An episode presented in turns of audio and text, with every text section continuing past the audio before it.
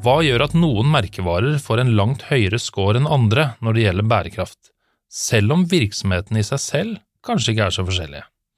Jeg heter Christian Skar, og Try er partner med SB Insight, som hvert år gir ut Nordens største bærekraftsranking, Sustainable Brand Index. Og Erik Elvingsson Hedén, du er daglig leder i SB Insight. Kan ikke du fortelle litt om undersøkelsen dere gjennomfører? Tack. Eh, ja, men det är, jag tror att i år, eller snarare nästa år, 2024, så kommande studie så kommer vi ha ja, näst, lite fler än 1700 varumärken totalt sett på våra åtta marknader. Så att Sustainable Brand Index, en stor studie, fokus på hur man uppfattar varumärken utifrån bärkraftsperspektivet. Eh, har gjorts, vi började i Sverige 2011, första året. Eh, och det gick väldigt bra, vilket var kul, så att då valde vi 2013 att gå in i Norge, Danmark, Finland, grannländerna. Eh, så att vi, det här är tolfte året nu som vi är på väg eh, att börja med i Norge. Så att vi har funnits här länge också, vilket är kul. Och sen gör vi det i Nederländerna, sen Mm. 2017 och sen 2020 eh, Estland, Lettland, Litauen också, de baltiska länderna. Så åtta, åtta marknader genomför vi Sustainable Brand Mm. Index idag. Eh, det er jo, eh, det er jo, en, det er jo veldig mange merkevarer som ønsker å komme høyt opp på denne indeksen. Og bare for å, bare for å ta litt detaljene rundt det først. Eh, Dette er jo en undersøkelse som, som måler forbrukernes oppfatning av ulike merkevarer knyttet til bærekraft. Det er jo ikke en undersøkelse som går inn og ser på hvorvidt de forskjellige merkevarene har en konkret bærekraftig produksjonslinje, den type ting, men det handler om Mm. oppfatningen. Kan du si litt om det? Ja, men precis. Nej, men det handlar ju om uppfattningen av ja, hur, hur uppfattar jag att eh, de stora bedrifterna och stora varumärkena på marknaden eh, arbetar med, med bärkraft. Så absolut, det är en, en, en eh, perception study som vi så fint brukar säga på engelska. Eh, och eh, nu för 2024 så kommer vi hamna på 280 varumärken i den norska studien. Eh, Så det, vi har lagt till några, vi lägger till några nu inför nästa år. Eh, och det är, en väldigt bra, det är väldigt bra för tydligare tror jag hur det går till. Eh, liksom, sitter vi och gissar, eh, eller vad gör vi? Nej, utan vi har ju två väldigt tydliga kriterier för vilka varumärken får vara med. Och det, är, det ena är hur stor marknadsandel har man eh, i sin bransch. Eh, och den andra som är li, väger lite tyngre och som vi också mäter varje år på hösten, det är eh, alltså generell kännskap om man säger så, alltså brand awareness. Hur, hur, stor, hur hög brand awareness har man på den norska marknaden, det vill säga gemene man, nor, nor, nordmän, hur mycket känner de till om de här varumärkena? Så Mm. där måste man nå över en tröskel Mm. eh, för, att, för att kvalificera sig om man säger så. Så det är det vi väljer på. Så vi sitter inte bara och liksom tar det vi, vi känner för, eh, Mm. utan vi väljer utifrån de här tydliga kriterierna. Och det är viktigt. Så man kan inte heller välja att vara med. Man kan inte säga hej, vårt varumärke vill vara med. Jag tror jag får kanske mellan 20 och 30 sådana mejl varje år från olika varumärken som väldigt jag gärna vill vara med. Eh, och det är ju kul och smickrande, men, men där är vi ju jättetydliga med att det är ett oberoende urval baserat på de här kriterierna. Så att det går inte. Och man kan inte heller välja att inte vara med. Det får jag Nej. inte lika många mejl av. Jag har fått ett tror jag, Ja. av ett varumärke som sa vi vill inte vara med. Och då var jag tvungen att svara ja tyvärr, nu är det ju vi som gör det här urvalet på, De, på vårt de sätt. hadde vel en ganske lav score, de da, kanskje? Eh, det skulle man kunna säga. Framförallt låg de långt efter sin, sin stora konkurrent. Ja, så att då kände de väl att eh, det var inte så roligt. Men Ja. så är det. Det är ju, det är ju en del i vår, vårt eh, syfte, eller det vi vill göra också, driva agendan inom Mm. bärkraft. Och också, om man pratar väldigt mycket om, om marknadsföring och kommunikation, så handlar det om att liksom visualisera hur viktigt är bärkraft för varumärket. Och vi, vi ser att det är jätteviktigt. Enig, og det, og det bør vi snakke mer om, men før Mm. det, eh, eh, litt mer praktisk om selve undersøkelsen. Eh, så vidt jeg vet, så er det jo eh, mellom 60 og 80 000 eh, totalt forbrukere som blir intervjuet. Precis. Eh, om, man, om man tar själva genomförandet av, av studien så är det ju, eh, som du säger, det är en förbrukarundersökelse så att säga. Vi, tittar, vi intervjuar eh, eh, vanliga människor eh, och det är ja, 80 000 eh, respondenter i de, alla de här åtta marknaderna. Tittar vi på Norge specifikt så är det var 12 000 2023, nu blir det nog något fler inför 2024 för att studien växer, antal varumärken växer och då behöver vi också dryga ut antalet respondenter. Så att, men som sagt, 2023 12 000 norska respondenter, mm. eh, riksrepresentativt urval av befolkningen mellan 16 och 75 år. Mm. Så att det, det, är en studie som görs väldigt mycket som, som eh, politiska undersökningar så att säga på samma sätt för att ta en, en, liknelse som många kan relatera till. Det är väldigt ganska traditionellt men enligt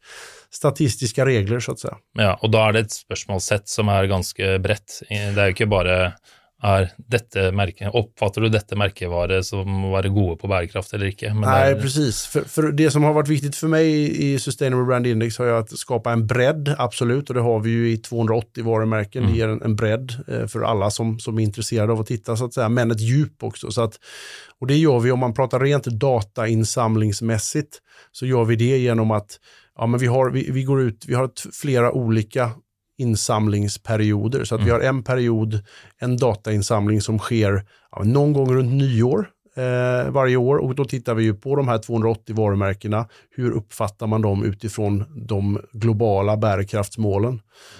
Um, och så får förbrukarna bedöma dem uh, utifrån det. Hur, hur upplever jag uh, de här mm. olika varumärkena? Um, och Eh, så då får man lite det här, då får vi väldigt mycket insikter kring just hur uppfattar man dem utifrån olika bärkraftsperspektiv. Men sen har vi ju en uppföljande studie som går efter det. Vi samlar in den datan, tittar på den och så ser vi, är det någonting som vi har missat kanske? Är det någonting som vi vill fördjupa oss lite mer i, som vi tycker är intressant? Eh, som någon trend i datan mm. så att säga. Och då går vi ut igen i fält, som man mm. säger, och samlar, gör ytterligare en kvantitativ eh, förbrukarundersökelse där vi tittar just på ja, men, mer djupet. Varför uppfattar man till exempel Ikea eller till exempel Tine eller mm. vad det nu är för varumärke på ett visst sätt. Så då, då djupar vi och då tittar vi ju Dels väldigt mycket på förbrukaradfärd eh, mm. och attityder, absolut, men också för varje varumärke i den här andra undersökelsen så tittar vi på mellan 25 och 30 bärkraftsområden mm. eh, som är då relevanta för det här varumärket eller för den här och den branschen som mm. varumärket agerar inom. Vilken, vilken utveckling har du sett sedan det startet i 2011 och fram till nu, eh, när det kommer till Eh, hvor, vik, liksom, hvor, viktig er bærekraft mm. for de enkelte bedriftene? Jeg, jeg, jeg vil tro at uh, i mange år, og kanskje det er sånn eh, fortsatt for noen, at det er litt sånn nice to have. Men så har man jo sett at det har blitt veldig tett knytta til business. Hvis du ikke på en måte klarer å Hvis du ikke er en bærekraftig virksomhet, hvis du ikke er et bærekraftig eh, varemerke, så blir det vanskeligere. Absolut, nej men det, det har vi, ja, det ser vi jättetydligt. Dels om man tittar på ren alltså, förbrukardata så ser vi liksom eh, intresse och liksom, vad ska man säga, prioritering av bärkraft går ju, har en tydlig trend. Om man tittar de 12 åren som vi nu snart har gjort studien i Norge så ser vi en tydlig trend. Den går, åt, den går uppåt. Sen kan det vara avvikelser vissa år. Påverkas ju mycket av vad händer i omvärlden. Eh, stora nyheter eh, så att säga och kanske ja, men ekonomi absolut men också Tar man Donald Trump för många år sedan så he hela hans personlighet och hans närvaro på den globala liksom, spelplanen gjorde att, att eh, bärkraftsfrågorna fick kanske lite, eh, lite skugga över sig. Men, men sen, så, såg det det i undersökelsen? Ja, men det såg vi, såg ja. vi väldigt tydligt att liksom, det, det fanns inte riktigt, eh, intresset för bärkraft planade lite ah. där för att istället var man väldigt fokuserad på honom och hans personlighet men också Nordkorea och liksom kärnvapenkrig, den typen av diskussioner som var väldigt mycket då där runt ja, 16, 17. 2016, 17. Men, men eh, sen skulle jag säga att jag upplever det utifrån mitt perspektiv för att vi Eh, vi jobbar ju med, om man, det ska jag också vara tydlig med, att om man är med, om man är ett av de här 280 varumärkena på listan, ja men då finns det en möjlighet att, att veta mer och ta reda på det. Varför ser det ut så här och mm. vad finns det för drivkrafter bakom vårt resultat och vad tycker folk etc. Eh, och där har jag väl känt, eh, tar jag, hoppar jag tillbaka till när jag lanserade Sustainable Brand Index både i Sverige då för 14 år sedan men också i Norge för 12 år sedan. Så eh, då var det ju fortfarande eh, många, skulle jag ändå säga, bedrifter sällskap som, som eh, när jag hörde av mig rent eh, säljmässigt och sa hej, vill ni träffas och prata mm. om det här? Så var det så här, äh, varför då? Ja. Varför ska vi bry oss om det här? Eh, och den frågan får jag aldrig längre. Nej, eh, utan nu är det mer hur, hur kan vi göra och hur fort kan det gå så att säga. Så att där har jag märkt jätteskillnad i liksom attityd ute mm. på, på eh, i näringslivet. Och när kom, när upplevde du att den, det vippepunktet?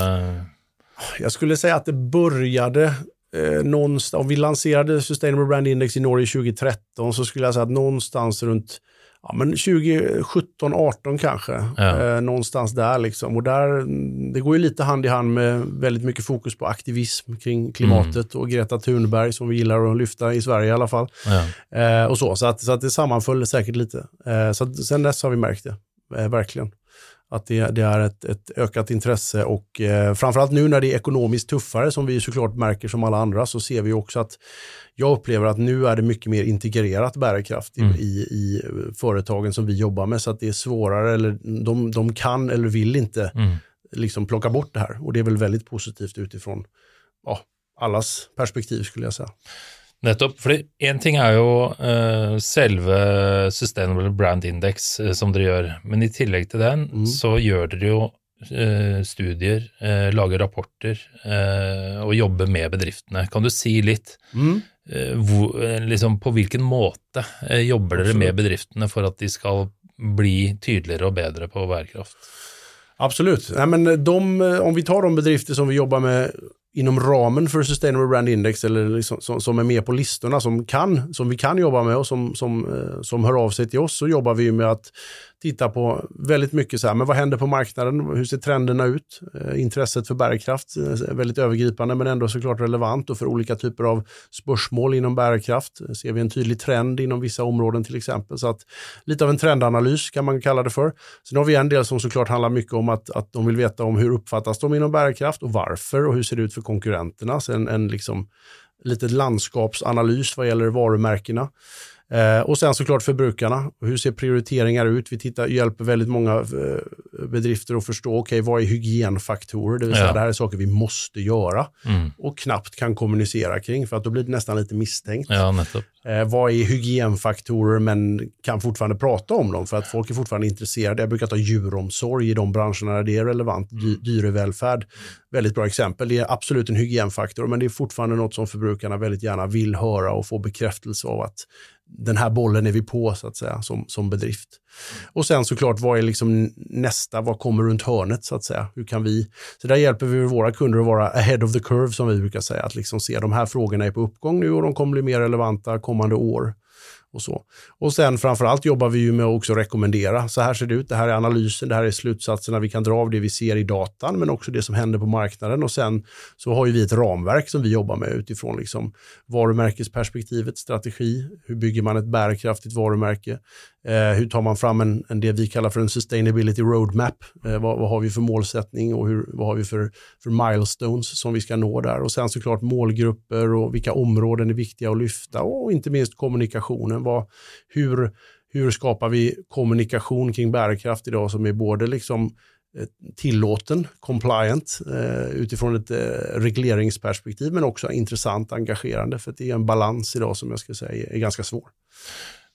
Det er jo sånn at uh, fortsatt så er det vel uh, Fortsatt er det vel slik at de fleste forbinder uh, bærekraftspørsmålet med lavere klimautslipp. men bærekraft er jo mye mer.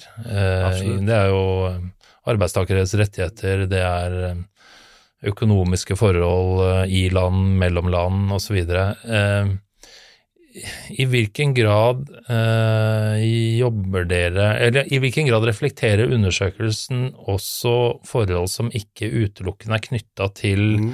eh, klimautslipp og best mulig miljøproduksjon? Mm. Absolut, nej men jag, det, lite olika delar ska jag säga. Om man tittar på rankingen som är den som syns ganska mycket och liksom som vi släpper varje år. Där är det ju bra att komma ihåg att, att 50% av den är ju det vi kallar för socialt ansvar. Eh, och den andra, andra 50 procenten är liksom miljö, klimaansvar. Eh, så att bara där har vi det, även om man lätt tänker kanske när man ser rankingen att ja, men det handlar om, om gröna spörsmål så att säga, men det är det inte.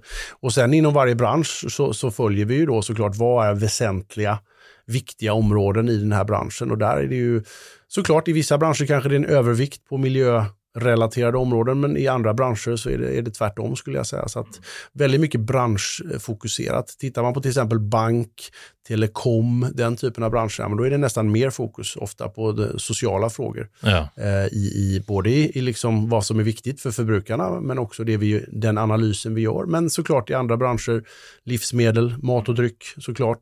Eh, kläder kanske också. Eh, kläder är lite mitt emellan i och för sig, men kläder som exempel, mycket fokus på vatten och klima och så, men också andra sidan liksom, såklart mänskliga rättigheter i arbetskedjan. Så att, ja, summa summarum beror väldigt mycket på bransch och varumärke skulle jag säga. Men vi täcker in hela aspekten, inte minst i och med att rankingen är baserad på de globala bärkraftsmålen. Så att definitionen från början täcker ju in helheten. Men som du säger, det är väldigt lätt som förbrukare att man tänker på klima eller på gröna spörsmål och det vet vi.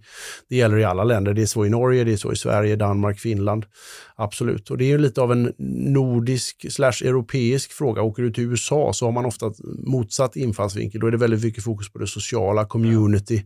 Och det är för att vi har helt olika politiska system och skyddsnät. Vi har väldigt starka skyddsnät här i, i Norden. Men när det gäller då skillnaden på regioner, du säger Norden mot USA, men ser du också väldigt tydliga skillnader i Norden? Mm. Mellan Norge, Sverige, Danmark? Finland? Ja, absolut. Det, det, vi har ju en stor, en jättestor forskel i år är ju just det här som vi, den här utvecklingen vi såg på den norska marknaden 2023 kontra tidigare år. Att Norge har ju avvikt lite från Sverige, Danmark, Finland utifrån att nordmän har blivit, liksom fler och fler har bara blivit mer och mer positiva till bedrifternas arbete med bärkraft. Jag har kallat det för the honeymoon face, mm. för jag, jag har tänkt att någon gång kommer det ta slut. Men vi har liksom haft en superpositiv trend där fler och fler nordmän bara tycker att ah, men det är jättebra det de gör. Och jag, lite elakt men också ganska sant så har jag sagt att nej, men de är lite positivt överraskade över att bedrifterna tar ansvar. För att i Norge har man också väldigt mycket mer, man lägger mycket mer ansvar på offentlig sektor och stat. Mm. Liksom. Det ser vi väldigt tydligt i siffrorna, att man förväntar sig att staten är liksom drivande i bärkraftig utveckling.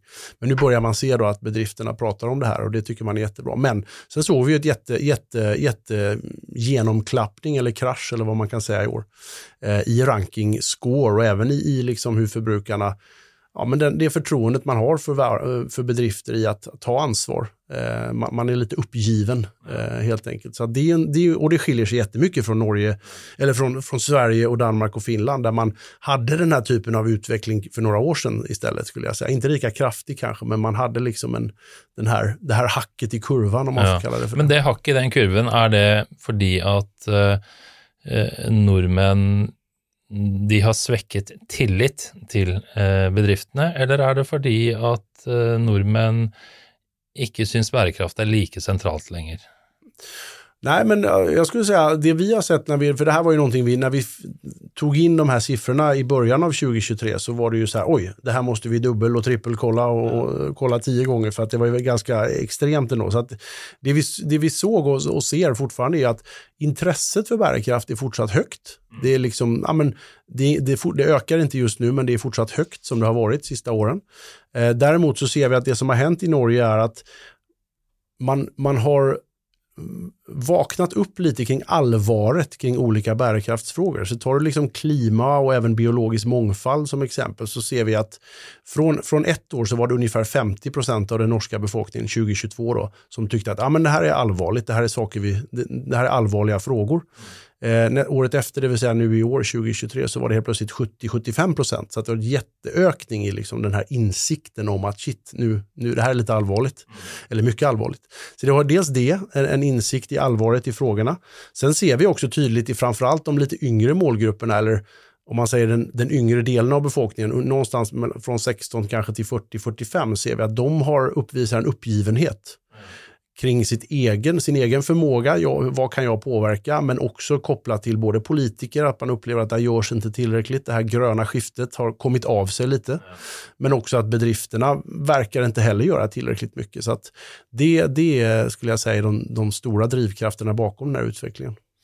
Det är bra Erik, men om du skulle, eh, du skulle gitt typ eh, topp tre, topp fem eh, råd mm. til eh, varemerker som eh, ønsker å synes bedre for sitt eh, bærekraftsarbeid. Hva, hva er eh, det, jo, det finnes ikke noe quick fix her, men jeg vil tro at det, det är något du ser som man, många kan göra relativt eh, enkelt.